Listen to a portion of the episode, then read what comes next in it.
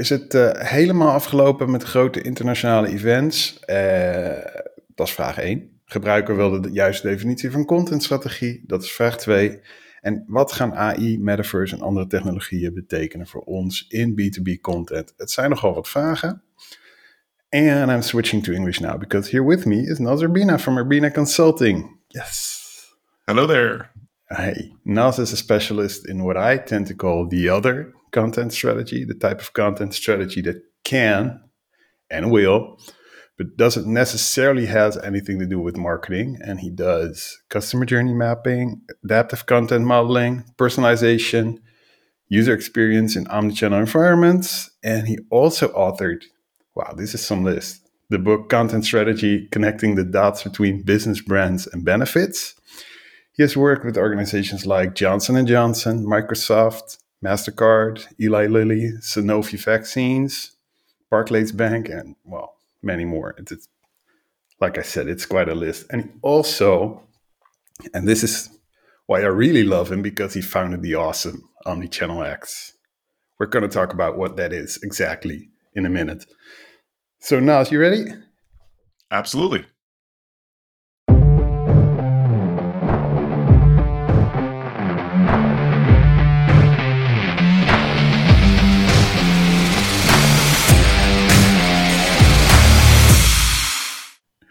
Okay, so if you're listening to this, no, you did not click the wrong podcast. This is the B2B content podcast that you know and love, which I make in cooperation with Marketing Facts, but it's in English today because I'm talking to Noz Urbina.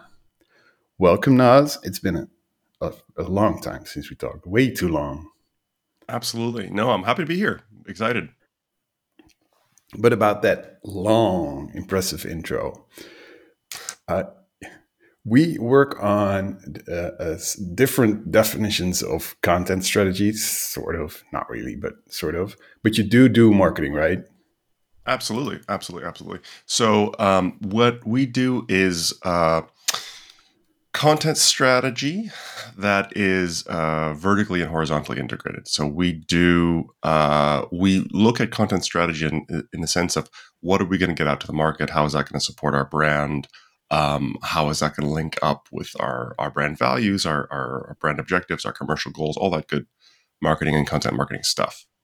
We also go deep into the organization and say, how are we going to get all that stuff? How are we going to source it? How are we going to manage it? How are we going to leverage it? How are we going to measure it? How are we going to make sure that when it's delivered, it's actually delivering the right experience and moving people along their journeys? So it's it it is kind of a superset of traditional content marketing strategy in the sense that it's all of the operational and and, and enterprise stuff, inclu- including things like stakeholder analysis and and buying committee uh, mapping that that's going to really make your content marketing strategy successful. Yeah, because the, the, marketing teams I work with and have worked with like the last two decades. Oh, I sound old two decades. I've been a copywriter for two decades. I'm not going to say that again. Uh, the, we tend to be what I call uh, tribes of creatives. We love, you know, brainstorming and and and making stuff, uh, but we we don't necessarily like, you know, uh, making it and then storing it in an orderly fashion. Is that is that uh, something you encounter a lot where marketing teams are making stuff and and and then you know storing it somewhere on their hard drive and forgetting about it? Well uh, you know everyone loves to take out the lego and play with it. But once we made our rocket ship we just chuck it back in the bucket you know no one likes absolutely. taking it all back and putting them back by color and size and shape. You know that's that's just natural um, and yeah, and um, the Content Marketing Institute, I don't remember whether it was Joe Pulizzi or, or Robert Rose from the Content Marketing Institute referred to the kind of content strategy we do, um, you know, as as the difference between the content marketers who are there with their with their uh, you know brightly colored markers and and and um, poster boards on the wall and us coming in with our um, you know precision cutting tools and uh, and, and measure measuring tools, etc. Yeah. Say, all right, all right, all right, so how are we how are, how are we going to operationalize this? Uh, so that's it's a different it's it is a different kind of it, it it is a different culture. We, we're working on two sides of a coin. You know, to be B two B enterprise, you need to operationalize. You need to look at uh, what would the term, for example, the term content ops. I don't know if it's uh, if it's familiar to your users, but it's rising fast mm-hmm. in my community. Um, to really look at how we are going to put business process behind all this. So we're not just feeding the beast. Because I think the the pain that that a lot of the content marketers are feeling is they love those brainstorming sessions, but you're on the you're under the gun to keep just doing them, and you just keep having to knock out these pieces and pieces. And what's the piece? What's the piece this month? What's the piece this week? What's the piece on the blog? And and there's this constant uh, need to to shovel into this engine Whereas if you have a, a, a strategy which is um, thought out over the long term, that, uh, that really kind of operationalizes how are you going to leverage evergreen content, how are you going to leverage not even pieces, but assets within pieces, uh, then you can, uh, it, it's just so much easier to keep up with the content demands across uh, different channels, across different personalization contexts, etc. Yeah, and, and I, I totally agree. And I, I, try to sort of advise my clients in, in, in, doing this, and some of them are doing it. I have one client that calls it, uh, please make it copy pastable, where I, I, I, for example, I would write a white paper or two page or whatever, and, and they would not let me reference one paragraph from the other because they want it to be reusable as components uh, but it's still in a Word document, right? I mean, mm-hmm. there's no system behind this. Uh, and I, I, work for smaller companies, but I also work for larger companies. And I, am I mean, we had this conversation, what, four years ago? I'm, I'm mm-hmm. going to link our little interview we did for Marketing Facts in the show notes. I think it's four years ago. And the question I have is, is are you seeing things like move forward in, in this uh, respect? Uh, well, what I've always been saying, and, um, you know, I what we didn't list in my in my intro bio is that I'm a bit of a futurist, and so I made I've made several predictions. For example, the rise of the term omnichannel, um, the rise of the composable systems, and and the app industry, uh, the app marketplace. Um, so I, am not going to go through my my credentials here, but I, I'm pretty I have a pretty good track record. And one of the things I predicted is, was the stretching out of the market that there would be a greater and greater gap between the haves and the have nots. And I feel that's exactly what's happening. So, yes, we're seeing progress in the market, but it's incredibly uneven. So the leaders are getting further and further ahead, and the and the slow performers are getting further and further behind. So does that raise the average? Maybe a tiny bit, but I would say that that it, we have a lot of work to do to really mainstream these concepts. So there's a huge opportunity here because epic. If if you get this stuff working and you get your you know your evergreen content and you get your ideas to be recyclable as I call it, uh, you would be able to get a huge lead on your competition. Yeah, I'm, I'm going to jump in right there because I know I talking about this for 20 years. I know the second you say something like recyclable, I know what you mean, and I know and I know you mean it in a totally positive sense. But people go recycled content who wants used content? Like, uh, you should see the faces when I um, when I teach a LinkedIn workshop because I'm I have a bad track record at predicting stuff. I'm, terrible at it. So I predicted like a while ago that organic social content would just go away, and it's back with a vengeance. I get most of my leads from LinkedIn, organic LinkedIn posts right now, and I'm teaching classes about you know posting on LinkedIn. It's it's hot, but then I tell these people so. Once you start writing your stuff, just go back six months in your timeline and get what performed well and repost it. They're disgusted. Yeah, absolutely. and, and, how can I? How can I? What do you mean repost it? Yeah, yeah. It's, I mean, it's it's a culture. It's a linear culture. It's a linear. Uh, it's a brainstorm, produce, publish. Brainstorm, produce, publish. Blah, blah, blah, and you just keep feeding the beast. No, the beast of the. You don't want to go the other way. Once it comes out no. the other end of the beast, you don't want it anymore. It's creation it's, is is religion almost. Yeah. Yeah, so let's to, let's talk about what the alternative stuff. is. I want to I want to paint the picture of the alternative. When we talk about, so you can repost because, and in fact, there's a hashtag for that. Um, the uh, in English, it's uh, well, I guess a lot of these hashtags become international. Um, in case you missed it, or um, ICYM, uh, ICYM missed. Uh, in case you, oh, sorry, ICMI. Uh, no, I can't do this. I'm sorry. It's too early in the morning for me. You know what it is. In case you missed it, I can't believe I'm screwing this up on the radio. Um, so uh, the in case you missed it hashtag, it's because people know it, when you when you work in streams, which we all do. We work in streams or feeds or whatever. So you dip your cup in the stream anytime you feel like it. So you you know you're walking, you're on your on your your bathroom break, you're going to you're you're on a commute or you're on a bus ride, etc., and you dip in the stream and you consume some content. It's it's it's literally like dipping your cup in a moving stream. The chance you will not dip your cup in and get the same cup of water out, even one second later. So if you missed something six months ago, it might as well never happened. Exactly. It, it, I mean, who knows what I was looking at six months ago? I, and you know, and we all have, for example, we all have that phenomena of of, of favoriting articles to read later. yeah. exactly. It's laugh out loud funny. How many how many of us actually go back and check all our tw- all our Twitter bookmarks, our LinkedIn bookmarks, or this one, all never, these places that never. we bookmarked. Oh, oh, I'm going to read that later. But no, it's you just did in, never back out. Yeah, no, exactly. So there's because so even just reposting is pretty safe. But let's go beyond that in sophistication, where we're saying, all right, we did uh, four case studies across the last uh, year now it's Q1 the following year. Can we go back to those and look at the challenges of all the case studies and then do a, a, a, new article that says let's look at the common challenges that we're common commonalities and differences across the challenges of our main case studies that's a, you've leveraged pieces of those case studies. Copy paste as you said.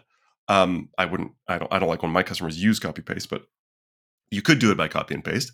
And then you, but you're creating a completely new perspective by recontextualizing content or parts of content in roundups or comparisons or uh, whatever other curations you're creating new content with it.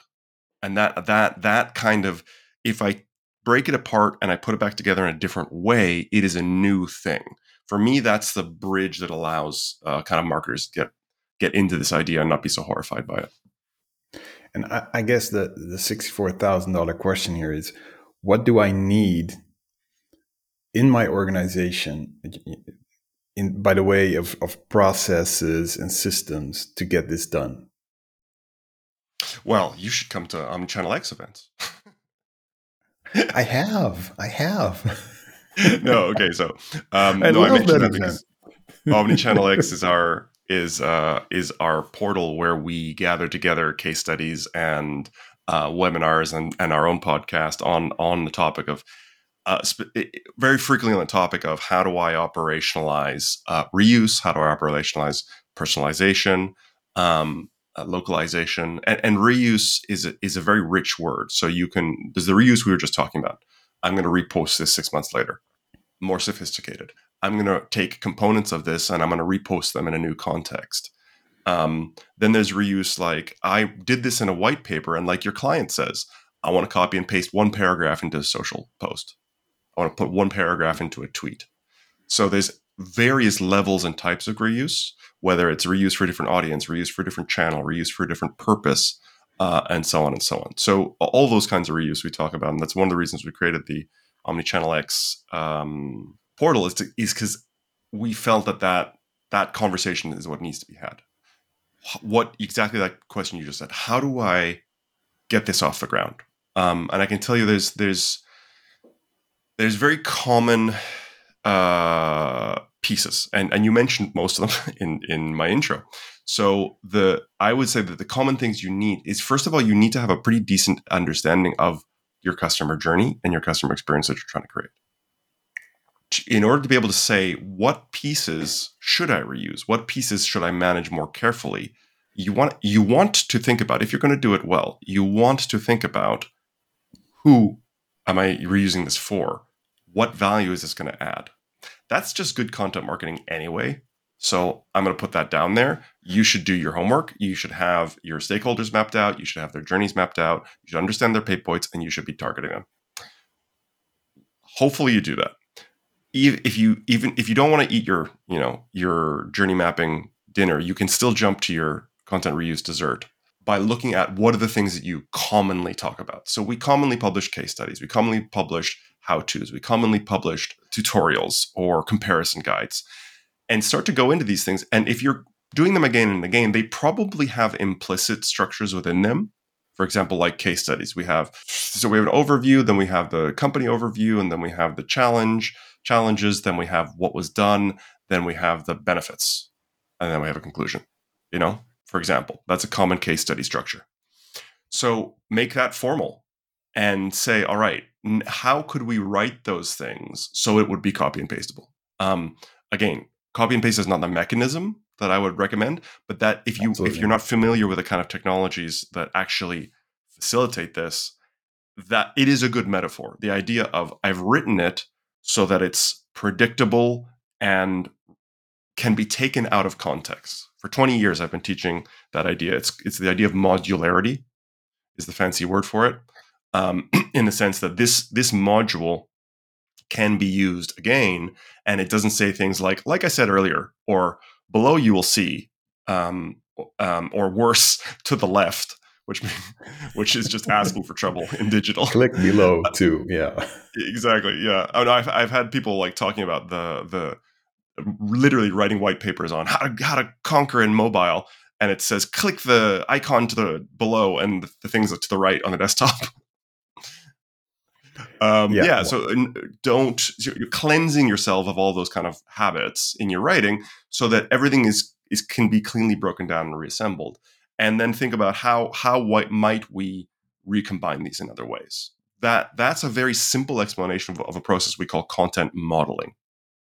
Um, uh, which is really having uh, not only what you publish thought out, but what the Lego pieces that go into what you publish thought out so that you can manage them on that basis. And then there's like the meta level where you um, need a way to, to store all that stuff where you can actually find it, which is mm-hmm. hard enough, and see what it's about and who it's for without having to, you know, watch a half an hour of video or read an entire white, white paper and, and go like, oh, we're mentioning products here that are no longer on the market or whatever. So you need that metadata level as well. Yeah, absolutely. So once you've got that kind of the basics, um, then you're you're immediately getting to the world of tagging. How do I tag up the smaller pieces? How do I tag up the complete deliverables? to tell me who they're for, what products they're about, what audiences they're for, what channels they're suitable for. Do are they evergreen? Or do they have uh, topical references that are going to go stale, et cetera, et cetera? Do they have citations? Do they have uh, images that are going to the licenses are going to expire? Whatever tagging you need, you need to start putting some sort of mechanisms in place to be able to put the tags on and then filter and find your content by the via those tags that would be the next level of sophistication. And then beyond that, then we get into automating that process. So I have a tag library, um, you know, sorry, a tag vocabulary, and I tell a I tell a, a computer go through all my stuff and tell me where I'm talking about these products, where I'm talking about these business point, pain points, et cetera, et cetera, et cetera, and tag them all up for me, and it'll get it 80% right, and then you go and you um, can can refine that. Yeah, and, and AI is going to be huge in this. I mean, there's no four man marketing team that that will be ever be able to do this without some form of AI assistance. Well, we've been yes and no. We have been doing it. It's just more painful. So, like your your customer who wanted copy and paste, I have I, I know teams that are four people teams, and they have a they have an Excel sheet where they have their all their case studies are broken down, and you can see the the client name and the then the short description, long description, and it's just a spreadsheet. And that way they can cop they can reliably copy and paste. So it can be done, but you're just it's just painful. You know why why would you do it that way when you have today things like uh, AI to help you? We're going to be talking about AI, but first we've mentioned omnichannel uh, a couple of times. It's impossible to talk to you without mentioning omnichannel I guess. Well, maybe at night. I don't know, but uh, you must get sick of it someday. You know, it's just, just ah, no, I'm, I'm going to Yeah, take a I, holiday I, now. I, I can I can find examples, but yeah, I'll, I'll- but I'll be pretty quick to talk about it just about any moment. of the day. because uh, uh, I don't know. I, I don't know the exact year. Was it 2011 that you found? No, 2013 that you First one? founded Omnichannel. No, no, no, Omnichannel no. X? 2019. 2019. we had- I'm just Yeah, you know, that's why we had we had we had it in Amsterdam, yeah, face to face, and then some you know something happened, and Yeah, face to face conferences got a little bit complicated. yeah. So now you've uh, we we've had a couple of online editions hmm with Omnichannel X. Well, you know how I feel about online conferences. hmm Uh, I have a, a love hate relationship with them. As Um, many people do. But now uh, came this email from you where you said Omnichannel is pivoting. Can you explain how you're pivoting and why? So the pivot um, was a realization on our part, wh- which was that most, about half, uh, uh, we would roughly estimate that about half of our audience, based on the feedback that we've received, is kind of not so into online conferences. Some, a lot of people are dragging themselves there. A lot of people were in, especially this year, going, finally, this is the year I can abandon these things. Never, never really liked them. So um, that's difficult for a European conference who ha- is targeting a very particular niche. Uh, you know, we were never mass market. Like, you know, we're not like Drupal World or or content marketing, whatever. It's it's not a, a huge broad thing. It's for people who want to be on the cutting edge, who are wanting to see where the market's going, who want to collaborate. You know, how many people want to do that? Um, and uh, so half of our people being kind of not so into the online conference made online conferences very hard. And then it also makes a physical conference very risky because a lot of businesses are pulling back and going, "Oh well, well can't you go to an online conference? Why do you have to travel?" Um, you know, we got they've gotten used to the luxury, and they're also scared of this uh, upcoming potential financial crisis. So businesses were pulling back from physical conferences, people were pulling back from online conferences. So it made us think, and what we thought was, we're constantly saying we want to work on the podcast, we want to work on the blog, we want to put out more articles, we want to put out more continuous learning opportunities on social yet we're tied to this metric of ticket sales for the conference because all that other stuff is kind of is content marketing for the conference. And that and eventually it occurred to us why don't we just flip it on its head and say why don't we just change the metric? The metric our original mission was to advance the conversation around omnichannel and accelerate uh, the thinking in the industry. There's nothing in that that says we have to have an annual conference so we if we're gonna if we're gonna achieve our mission, why don't we just dedicate our time to all that other stuff and actually help educating people all year round at the time they need it, rather than making them and us wait um, 360 days until the next conference every year. So we uh, we, we thought it was um, when it dawned on us in the market concessions, it was it was a very obvious choice that it was better for everybody involved. So now podcast, blog, and we're also being more clear about the integration of Urbina Consulting and Omnichannel X.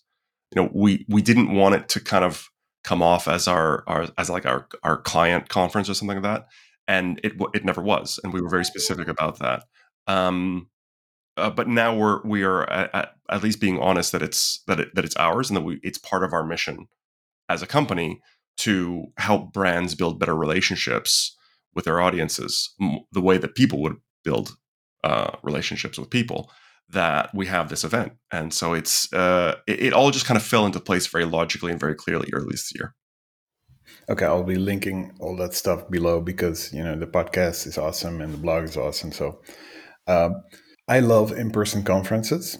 So um, mm. I'm, I'm, I'm, I'm quite sad that omnichannel x in amsterdam isn't coming back but i, I totally follow your your your reasoning here. Um, uh, but you say we're we're a bit of a niche thing. Th- that's what made it fun for me because you know mm. it, it's just a bunch of very smart people in a room, right? I mean that's that's the fun of Omnichannel X. Uh, but do you see any general implications of this this dynamic for for all big international events?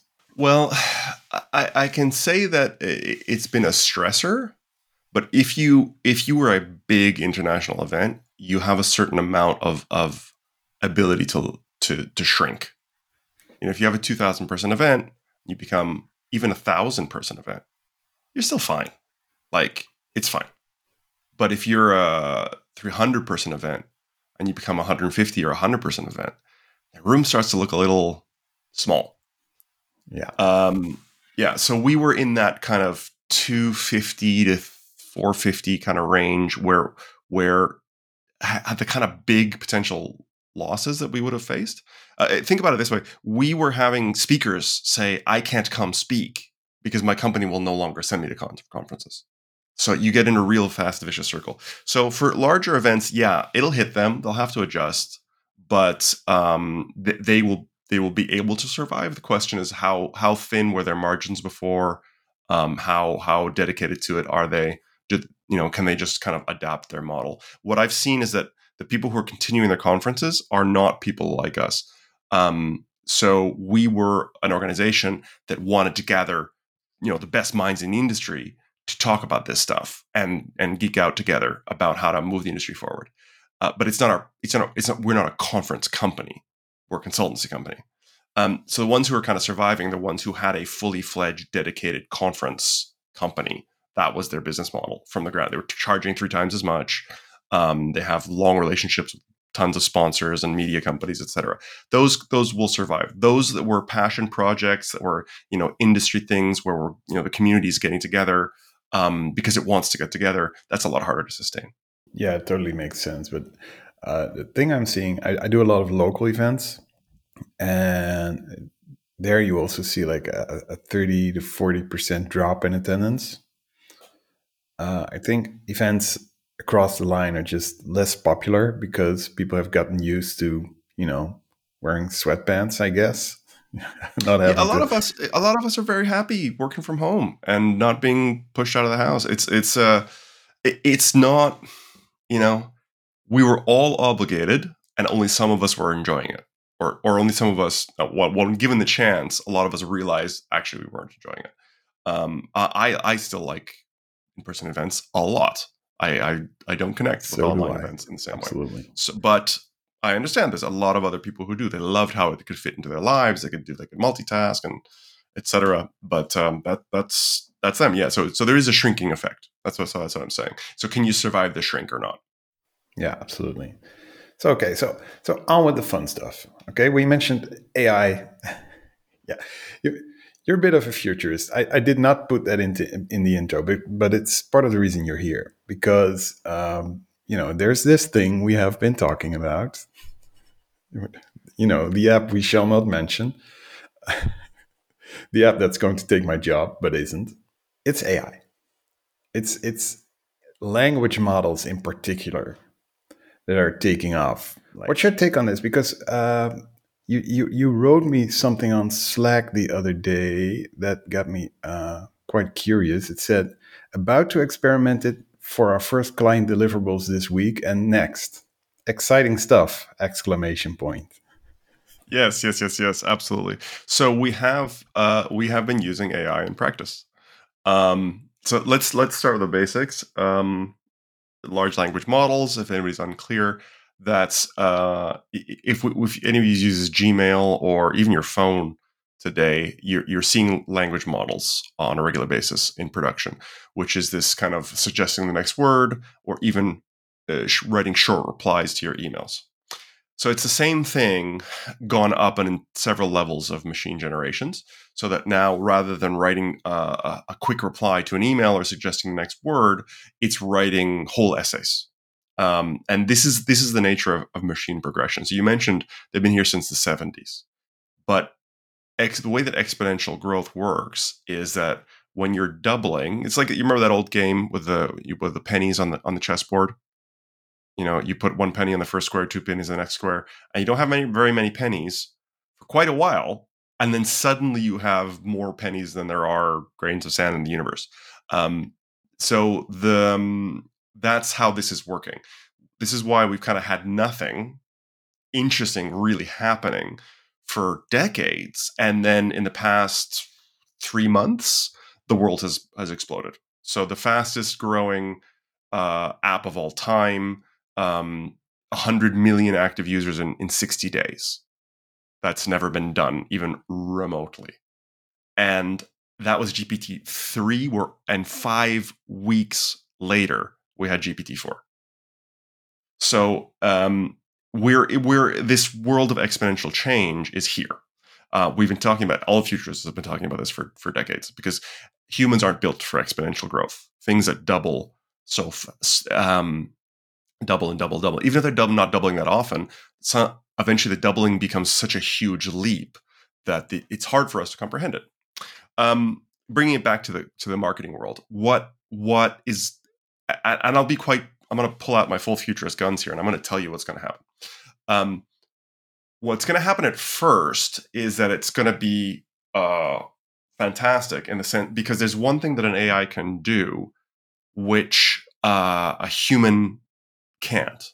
As much as we love those brainstorming meetings, we all face the anxiety of a blank page. You know, just I, I got to write something and I kind of have lots of ideas in my head and I can't quite make a kind of a flow out of them. I wish I could just have I w- and uh, many of you listening probably have this where you have somebody junior go write me a draft of this and send me back and then I'll fix it. So if you had a hundred thousand of those juniors and they could create you uh, 10 drafts of anything you wanted in 10 different tones, you know, different levels of funny or personal, professional, engaging, social, uh, etc., um, targeted at different types of user persona in two minutes the ability for you to you to get back to work and start producing is is supercharged um, just by coincidence a lot of my passions for my whole life are all coming together now. So my I, I have been passionate about about psychology and cognitive science, which is and just last week the CEO of OpenMind, who makes uh, um, one of these large language models, um, he he said we we need to start using the language of psychology to describe these models because they are showing psychological behaviors. There's a whole other debate about consciousness and all that crap. I don't want to get into that, but they behave like minds. Um, so we should talk about them in the language of minds. Then uh, I'm also passionate about digital music and digital photography. Uh, and in those industries, we've had this thing, but it happened decades ago. So when Photoshop and digital editing got really good, there was the split between traditional analog photographers and the cheaters the ones who were doing the ones who were who were breaking the rules who weren't really photographers they were using they were cheating with these new computer things to do things that we used to do by hand in the studio they were doing in seconds and the computer was giving them all this help that they didn't have need to have any skill anymore and then we had exactly the same thing with electronic music you know you had real artists who studied you know music theory and, and sat there with their with their instruments until their fingers bled. And then you had all these people who showed up and they just expressed themselves in in in in music, and that was cheating. And we're we're having the exact same cultural and psychological adaptation problems where all of us who have been doing it the old way for all our years, our identity is tied up in that. Our identity is tied up in the. It's actually ironic. We're we're we identify with the inefficiency, with the blood, sweat, and tears it, it takes to do our jobs rather than identifying with the judgment that we need to know when we've done it right or when we've done it wrong. That's why we're valuable because we can look at crap and go, that's crap. That's good. That's what makes us valuable, not the ability to actually create it. So if if your only ability is to is to just generate, then yeah, you should be scared. But I doubt that you can be a good generator without being a good judge and the role of the judgment is the is the role that the um, the AI still need us for. You can have an AI colleague, but you still have to lead the team. Yeah, it's it, that's well, it's exactly what I've been saying because you know these nervous copywriters, they shouldn't be nervous because as a copywriter, seventy or eighty percent of what you do is finding out what to write and who to write it for So and, and the rest is just typing, basically. So if you could outsource Yeah. the typing, you could serve like three, four, five times as many clients in your work week. I'm actually looking forward to this. And I've been experimenting with it, but, but you get into this whole new like uh, a profession basically of prompt engineering where you need to uh, you know take that this process that you have been doing with your fingers basically and and have it somehow automated and and, and have it come out not crap because a crap prompt will give you crap copy. This Yeah, is, this is what i um, learned. Yeah, uh, that will also go away pretty fast because I, I- I've been consuming about one to two hours of AI content a day, every day for past month or so. And uh, things that have happened is, is that uh, so ChatGPT three was the one that took over the planet in a matter of weeks.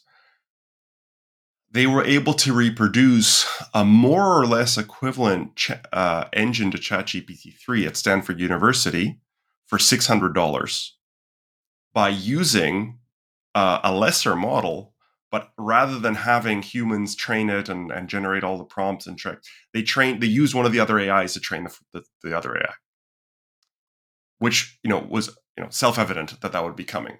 But again, it's the speed that's hard for people to comprehend. Is that we have ChatGPT three, we have within months we have ChatGPT four, within the same period we have someone reproduce ChatGPT 3 for 600 bucks that can run on a local machine.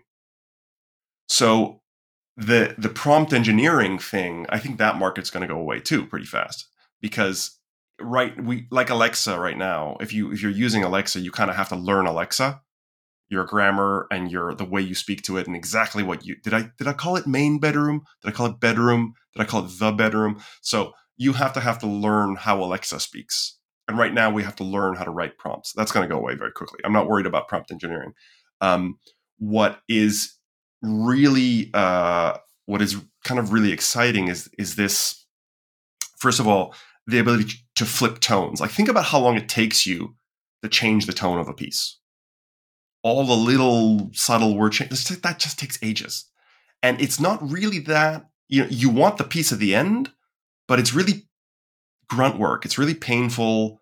Kind of, uh, you know, somebody goes, make it a little, you know, make it a little lighter, and you go, Jesus Christ. You have to go through all this, kind of looking at each sentence, going, how do I make this a bit lighter? Whereas a computer can take your piece and change the tone in any direction you want in seconds, and it's that kind of thing where we're going to get these huge leaps it, forward. It also takes over the, the whole, you know, discussion and the seven workshops you do, just finding out what the tone should be because you go online, you find five or six pieces that you like the tone of, you Mhm. just, you know, steal them from the competition and you run them through. This Yeah. is how I've been using Jasper for almost a year. Oh, yeah. Just analyze tone of voice and then use what Jasper spit out for tone of voice in your in your prompts. So just replicating tone of voice instead of having workshops about tone of voice. Yeah. This is just this saves I don't know a hundred man hours. Yeah, you can just show it and go, you, like this tone of voice? Okay, let's do this.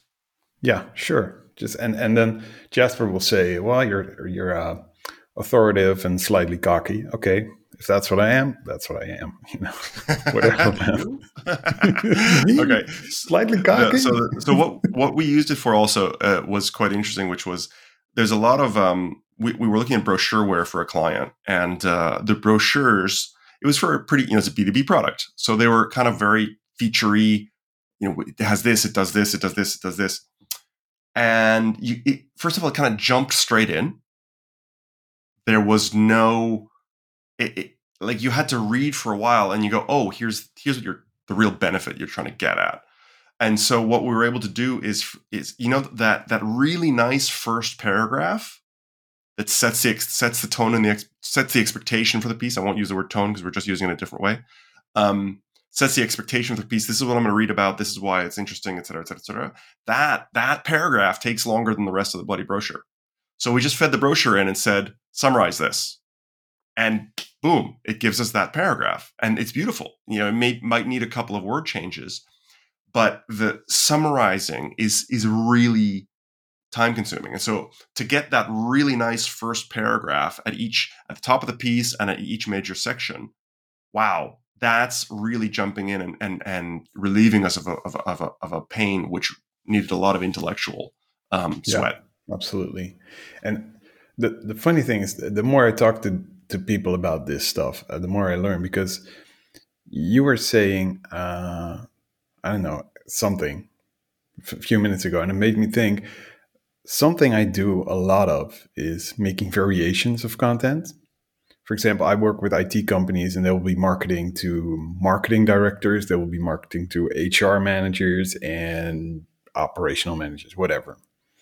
And the product will be the same. Four out of the seven pain points will be the same, but you will be adding three different, you know, questions or pain points per uh, persona. And I charge you know money to make these variations but these algorithms being so good at well not writing but also reading and interpreting stuff they could just be your proofreader i guess so you could summarize a text from the role of hr manager and then you would get your three different intros for your piece yeah, exactly. I'm just brainstorming here. This is just no, no, no exactly, just... exactly, exactly. So um, that kind of thing where, where, you see people saying like, "Tell me this story in uh, uh, in Jamaican patois." It can do just about any tone or any focus that you want, and that that yes, we can tell the facts and we can use our default voice, but to nail other voices and to to think about it from other perspectives that does still create you know that still is work. That's still mental effort. And that and that the fact that that's automatable is really game changing. And the and i think a lot of people don't realize until they've sat down and d- done it a lot of them are thinking that this is like a it's like a it's like a google like you ask it a question it gives you a response um it's not it's like a conversation so it writes you a paragraph or 10 paragraphs and you go uh, a bit more concise, please, and it will rewrite the whole ten paragraphs. It's a, and it's a and it's a, so. For example, my marketers, when I first told her to use it, she was using it like like Google. I put in my stuff, I get my answer, and then I have to manually work it. She didn't realize she could keep saying shorter, longer, more professional, more more uplifting, la la la. And um, the fact that you can uh, use this bouncing uh, this wall to bounce your ideas off of until you jump on something.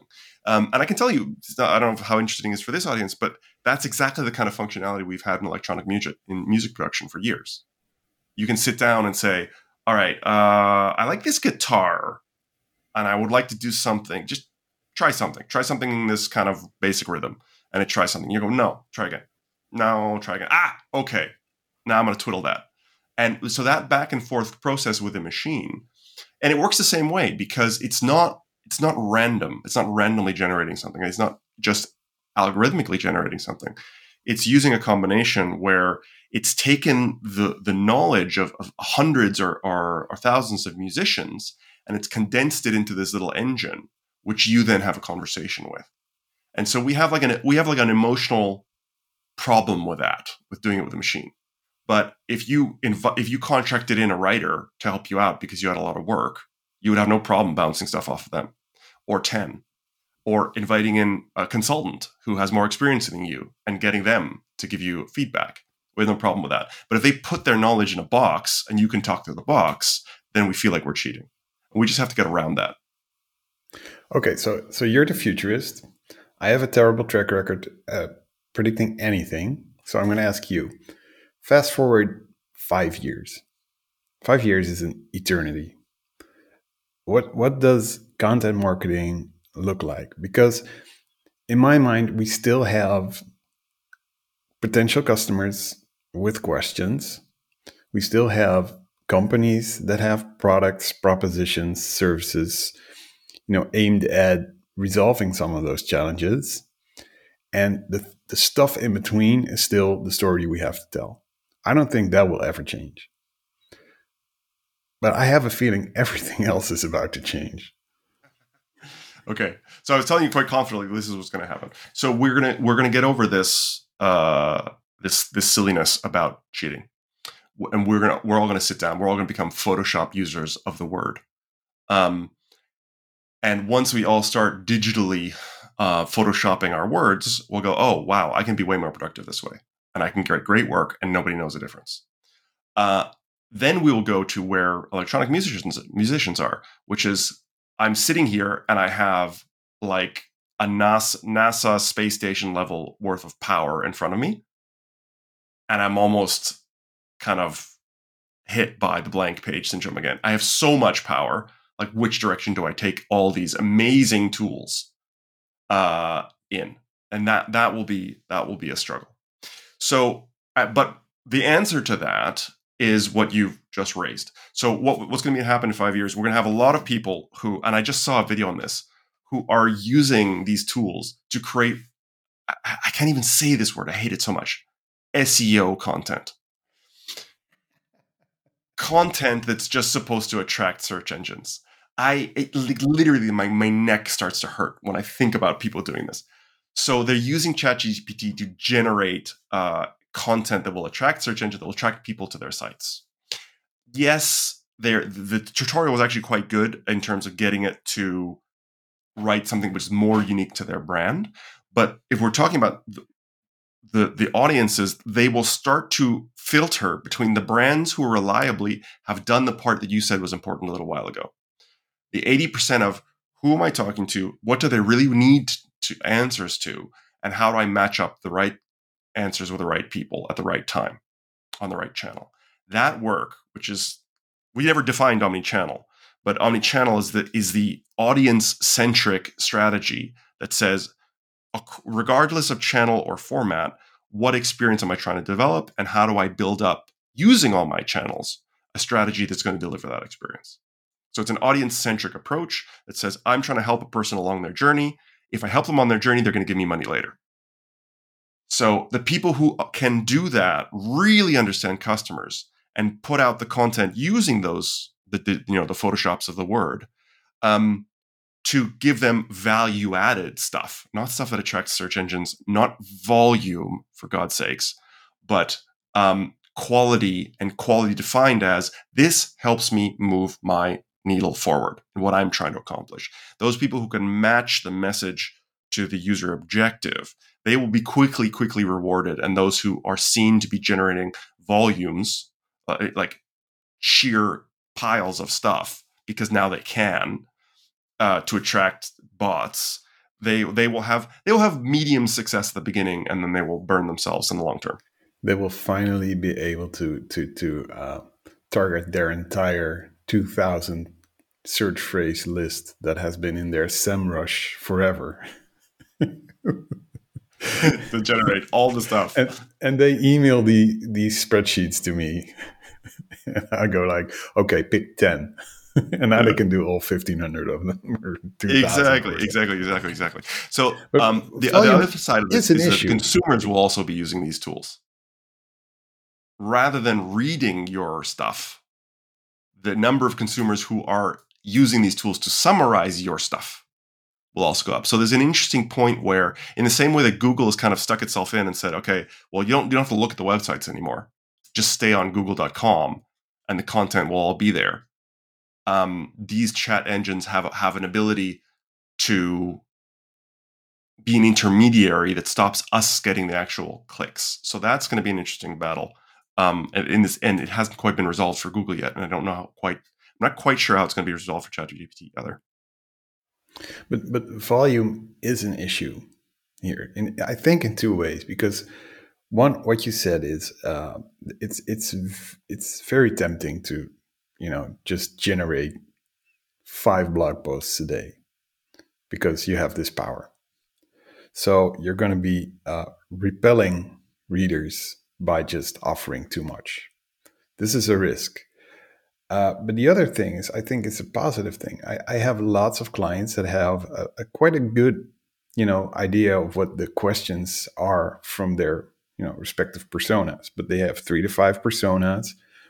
They have uh, like 10 to 15 you know important client questions or challenges per persona so that's like 50 pieces of content.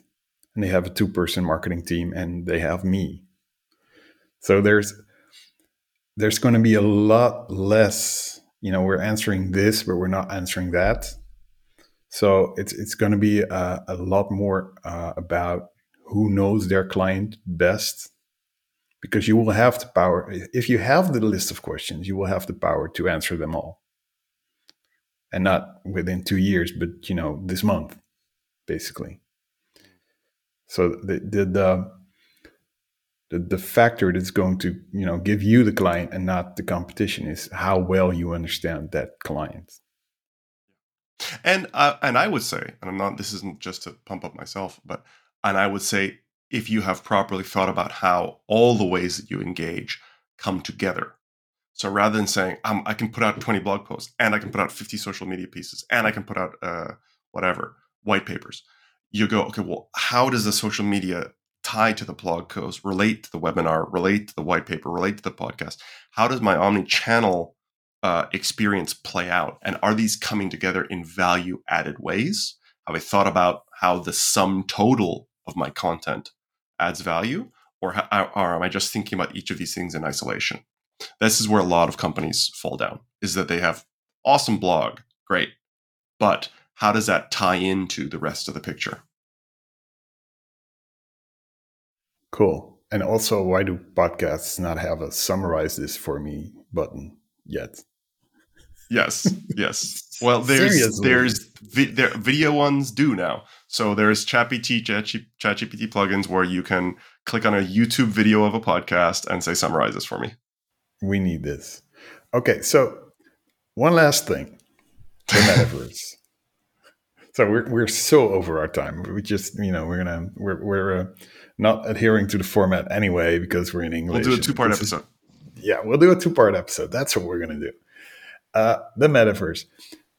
Everybody is talking about AI and language models and GPT and whatever. In B2B marketing, in my little, you know, market here, uh, you know, at the side of the North Sea, uh, nobody is talking about the metaverse. In fact, people are, uh, it's a bit of a joke, I have to admit.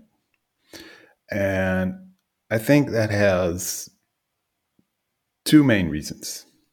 The first is Meta, the company, which has sort of, you know, become a bit of a joke among marketers, uh, especially in B2B. And we tend to avoid Facebook and everything that has anything to do with it.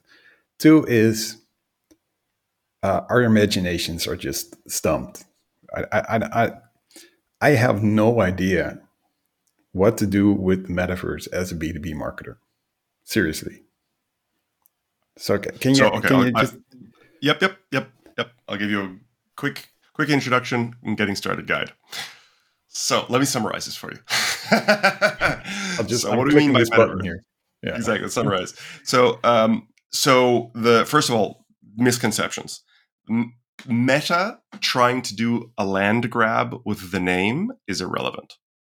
Um, there's a, there was a company called America Online or AOL in the US. I don't know if you're if it's famous and got famous in the Netherlands. Yeah, people know that name. So America Online. Yeah, that collapsed. That collapsed into the dirt. America still goes online. like it's just it doesn't matter at all. It's okay. so irrelevant that they've tried to do a, a land grab with a name. Um, and they've tried to do a land grab by doing some acquisitions. Good for them. That's what everybody, like, what all big companies do. Um, they try to get the new thing and they try to own it. They will not own it. They cannot own it. Um, people kind of talk about metaverse, creating this kind of environment where you never leave Facebook. And I'm like, Facebook doesn't sell anything. Facebook sells ads. You have to be able to leave. That's their business model.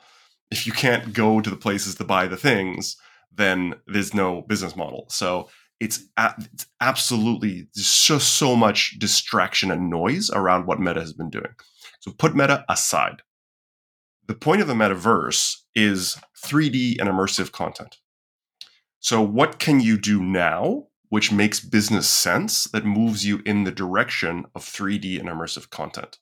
So, Google has already said that if you put 3D models of your products, of information, of, of uh, any kind of 3D, you can do it in the browser today. If you if you look for, um, I believe, oh, what it's called, it's the New York Times data visualization or the New York Times immersive. I can't remember what the keywords are. I'm sorry. I'll try to get them to you after the show. But um, you will see where they are doing storytelling with 3D and like content and data overlays um, in the browser, just standard Chrome on the phone on your desktop. And so they'll, they'll, and they're using it, it, to tell really compelling stories. They're there, for example, you can do they, they have the thing with the, the COVID data around the world where you actually have the world and you can spin it around and zoom in and you see the red dots over the countries. It's just a very compelling way to look at the data rather than looking at a graph. Um, they have a they had a thing about uh, the um, what is called the Tulsa Race Massacre. You know, it's a very it's an in, intensely emotional, political, historically significant human event. Um, and it's, it's where this, there was there was a massacre and a racist massacre in the city in the United States. And rather than just describe it to you in words, you you start with words and pictures, but then you do a flyover, and they've they've turned the scroll bar into your ex- accelerator on on a monorail, and so you can you can fly over the city and as you're flying over buildings light up and you say this person worked here and then this happened to them and this happened on this date. So they, they you literally fly through the streets of the city and and the information is superimposed on the map around you. And at any point you can stop you can scroll back you can kind of go through this story in three dimensions again using standard web browser technologies today so if you start storytelling using 3D assets and thinking, how could we use spatial thinking to tell our story in a more compelling way? How could we break down how our product works, explain a process, explain how this drug metabolizes through the body, explain how this fluid moves through this engine? How could we use 3D um, to, to better and more and more engagingly tell our stories today in the browser? You'll be creating skills and assets and pipelines in your team, which will then be metaverse ready. Because resaving those assets out and putting them into an actual, let's say, um, app where you can point things around with your phone or uh, and look, you know, in augmented reality or the headsets or full virtual reality. These this is kind of stepping stones up to the full kind of metaverse Im- immersive virtual world. But the assets can be used in any of the other less immersive uh, uh, environments. And even if if it's ten years before the full VR thing becomes mainstreamed, um, you will be able to experiment, build the skills, see what engages your customers, and create better web content today. So that that's my kind of summary. To to think not to think of it as this like, do I go to the metaverse or do I not? It's how do I get on the 3D train and how do I start taking it out of the station? so that I so my teams and my business and my uh, know how to properly target my users' needs using this new 3D stuff. What? Oh, you're back. You're back too. Damn, there's ghosts in the machine. Right, it's just and it, but it was just the perfect part, part, point because I think you got my my whole sentence. Uh, yeah, I hope so. But uh, so many questions. Um, first of all, because I, I literally because this this just doesn't you know it doesn't come up. The mm-hmm. world mm-hmm. I inhabit, this doesn't come up. Nobody uh, is working on this. Let me talk. Let me. So okay, so first because they're thinking about it as this thing. It's this yes or no. Do we metaverse or do we not? That's the misconception. Do we, do we metaverse because we don't, but we don't do meta? Misconception. Um, there are no intermediary steps that are valuable that are in the metaverse direction misconception so there's so many misconceptions that they, people don't even bother to think about it i lived through b2b laughing at social media in general Absolutely. for years longer than they should have years and years and years like it was so badly executed so slowly, so haphazard. There's one guy in the marketing department who thought, who kind of saw it and opened a Twitter account, and you know, it was such a disaster. B2B's adoption of social media was such a joke because of exactly the same kind of thinking. I will exactly go back kind of a few more years, and I will tell you when I first started freelancing in 3 mm-hmm. you know, the the most asked question was from companies do we need a website or can we do without?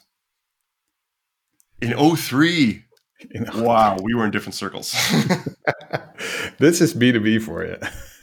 Wow. No no i was in b2b but i was i was in b2b like like like brain scanners and microchips and like they needed websites.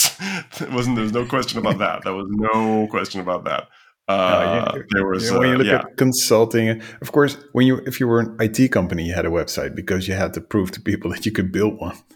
So it was more I, like I remember, a, I remember in the opening in the opening talk on the first OmnichannelX conference we had lisa welchman who worked on the the first uh i believe it was cisco yeah it was cisco.com and they like they would bring down the web they would bring down the the global website and they were like hee hee the website's down oopsie, I forgot I put it. I, I, put in a wrong character. We'll put it back up tomorrow. yeah, it was just like it was. It was a joke, and this was yeah, it was around that period. So another question is: you have to. Uh, you say you have to start, you know, developing skills right now as a B two B company. What what be, be the primary focus? Because hiring is still hell. It's getting mm-hmm. slightly better, but hiring is still hell who do we need to be hiring right now to, to get this train moving? That's a very good question because I don't know. I know if you have a big operation and like if you have a lot of budget, you, you know, you can you could arguably hire. You could start poaching and headhunting from game game companies, for example, people who know how to visually storytell, people who know how to create um, content that acts when once a user gets to a certain point. You know, it, like there's these websites where the pop up pops up immediately when you show up on the website, and you're like, I hate you. I hate you so much. And then there's yeah. those ones who've timed the pop up, and, and, when you're nicely deep in the pro, in their article, you go, "Wow, these guys have a lot of interesting stuff to say." Then the pop up comes up, and you have a different reaction.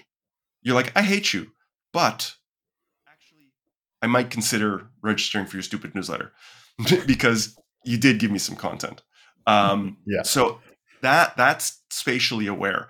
You're using the the hallway of the scroll bar to go don't hit me with like signups right when i walk up the hallway. Let me look at the gallery a little bit you know? I'm not gonna i'm not gonna i'm not gonna just do this right at the beginning. So you gotta let me go down the hallway a little bit.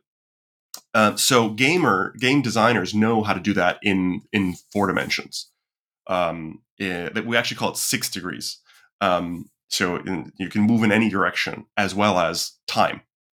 So the uh, but in a small team, I think you you're still going to be looking at engaging specialist agencies. So you have to come you will have to come up with ideas. How can we use 3D assets um, in in one of these brainstorming sessions that we're so good at, and then engage specialist companies to go. This is what I'm. This is the experience I'm trying to to do to to create. It's going to be as it was when you were engaging a web agency 15 years ago, it'll be harder. Like you don't know exactly how to express what you want. They don't know exactly how to interpret what you want, and you're going to have to go through a few iterations till you come up with a nice product. Um, whereas now, so many things have been implicitly standardized. It's a so it's uh, uh, if you have a big operation, that's why where I would go. If you have a small operation, I think you just need to go to these 3D agencies, and I, I think a quick Google search will find you a few who are who are willing to do 3D 3D for the web and I, I, guess it's it's like it was with a lot of other technologies, like marketing automation, um, email marketing, websites, social media. Keep it away from sales. don't don't let sales get their hands on it because you know you will you will be uh, in this 3D experience and you'll be two steps in, and that will be that pop up again, right? Yeah, yeah, yeah. When do we sell? yeah, exactly. Yeah. When is this going to convert? Where's the ROI? Because I would say you were talking about reading a blog and then getting a pop up. I would say um, the more immersive an experience is, the more annoying an interruption will be. So there would be a sort of a, a, a is the psychology the same as with written content or f- video, or, or are the emotions more intense? More is it easier to screw up? Is probably my question. It's an interesting thing. So my experiences in the metaverse well i shouldn't say the metaverse um, my experiences in uh, in interactive um, 3d experiences so in virtual reality the emotions are a lot deeper so you you your brain was designed for that kind of experience. You, our, our brains were not designed to read. Um, reading is a, is a is a totally artificial technology. And the, we know that because there's a there's a visual cortex and an auditory cortex and language cortex. There's no reading cortex. Um, it's it's it's it is a technology. It's it's a foreign uh, technology to your body whereas vr is natural. We're we're built to walk around 3d spaces and and and hear things directionally and proportionally and and, and everything so you you connect very deeply with these experiences um, if if you're creative, the ones that are done well, uh, they can surprise and delight. So you can really like you're you're doing something and something unlocks and you open a chest and in that chest there's three things. One is uh, you know whatever whatever whatever, and one of them one of them is a, is a subscription offer. So you can kind of if you insinuate it properly into the experience, it can go very nicely. Um, if you if I'm in this world and you cut me out of that world by taking over my field of vision with a subscribe now box, yeah, that that would be even more jarring. Yeah. Well, just you know, you, you mentioned a chest, and I have a 15 year old, so you know they go like, yeah, metaverse, whatever, man. See you in Minecraft. yeah, that's that's where they actually meet their friends. Yeah, yeah, yeah. They, they recognize I, I, each I, other by, by the skins could, in the caves. I could tell you, uh, I that was probably taking ten minutes, but my first experiences going into virtual reality and meeting people in virtual reality was some of the most emotional experiences I've ever had with a piece of technology. And and uh, the short, long, the short story is I was meeting people and I was like, wow, and I was connecting and I was talking to people and they were also new to it and we were chatting and some people were less new. They're showing us around and I was like really like you know like a kid again, having all these experiences and and then and, and the, this battery warning popped up, and I'm like, yeah, yeah, yeah. and I was and I kept going, and then suddenly it went, and it pulled me out of the matrix, and it all went black, and I took off my thing, and I was in my living room again, and I went, oh my god, I'm never going to see those people again, and I had met them like half an hour ago, but it was it was important. You know, I'm a I'm a 45 year old guy, but like it, it, freaked me out to be in mid conversation with somebody, getting to know somebody, and thinking, oh, am I going to add this person to my friends list? Like I'm considering whether I'm going to continue this relationship, and click, it's off. So that it was ex- extremely jarring. Um, yeah, you, the the these metaverse experiences they touch deep. It'll take a while before we're you know kids who grew up with them, it will not be as exciting. But I think, as you said, the bonds they make are as real Absolutely. It, it's it's it's the way they talk about it. Uh, you know, yeah, yeah. I just talked to him. You were in your room. Yeah, yeah. I, I just saw him at the server. The server. Yeah, yeah, yeah. The the hardcore like one one nineteen. we're in the yeah. hardcore one nineteen together. so, yeah. So, so I, I, had friends uh, who were big into those um, big role playing games, and they actually had a London meetup, and they all flew to London to get together. And, um, and they went out and they had like a whole weekend together and they're all bestie best friends. They'd never physically met. They'd just been gaming together for a year or so. And, uh, and they all the, they all paid the money to come and be in London and get hotels to spend physical time together for the first time because they'd made these connections. And it was amazing seeing them. They were they were they were already friends. There's nothing, no difference of me seeing my friends. So the, the message here is, uh, I, I think, if you're a B2B marketer, already we're seeing like 80% of our sales I'm, I'm not saying funnel uh, uh, our sales journey our sales process whatever is going on online. And most of that is going on without people actually talking to a salesperson or a marketer or, or a consultant or whatever. Most of that is just people interacting with our stuff. Content content exactly so these interactions are going to become increasingly emotional. Uh, these these connections you're going to be making are increasingly deep. Uh, so the the content you create is going to be increasingly important for your brand, but also for the people you're talking to. And I'm, I'm emphasizing people here because with written content, you mentioned, SEO content, you know, which, which is basically written for bots. We still tend to forget that we're making content for people. And for, from your story, which you know, it's, it's really educational for me because you know I didn't really have a frame of thought about this at all. Um, it's going to be even more important to start thinking about, you know, prospects, clients, leads as actual people. Would would that be like the moral of the story? Yeah, honestly, I feel sad we even have to say it. yeah, but we yeah, do. absolutely. Um, so one of the things we're doing before we even do customer journey mapping is st- stakeholder ecosystem mapping. Who are we talking about, and not uh, just us, them, hitting their persona questions. Who do they talk to? Who do they rely on for advice? Who do they go to within their company? Who is making a decision from a financial point of view versus an emotional point of view versus like whose job is on the line? Who's going to get fired if this goes wrong?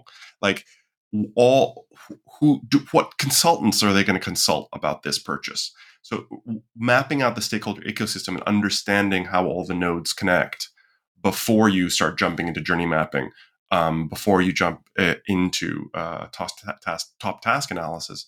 Uh, well, that actually is part of top task analysis, but uh, figuring out um, the who's and the interconnections of these of these of these committees, as it were, these communities of people, um, and then understanding, yeah, understanding their their their relationships, uh, and then figuring out how you are relevant. Um, I think that's the word we haven't mentioned for the whole podcast. I've got one of my consultants who's given me a quote, which I just think is the best. His name's Rob uh, Pincelli. Um, uh, he's actually from the Netherlands. And he says, You cannot buy relevance. You are relevant or you are not relevant. So, how can you figure out how you can become relevant? Actually adding value to these human beings. You can't throw money at the problem. You can't throw SEO at the problem. You can only figure out how to actually become relevant.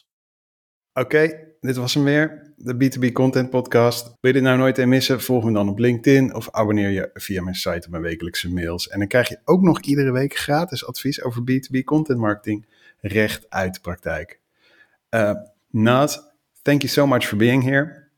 My pleasure. Uh, iedereen die luisterde, dankjewel voor het luisteren en tot de volgende keer.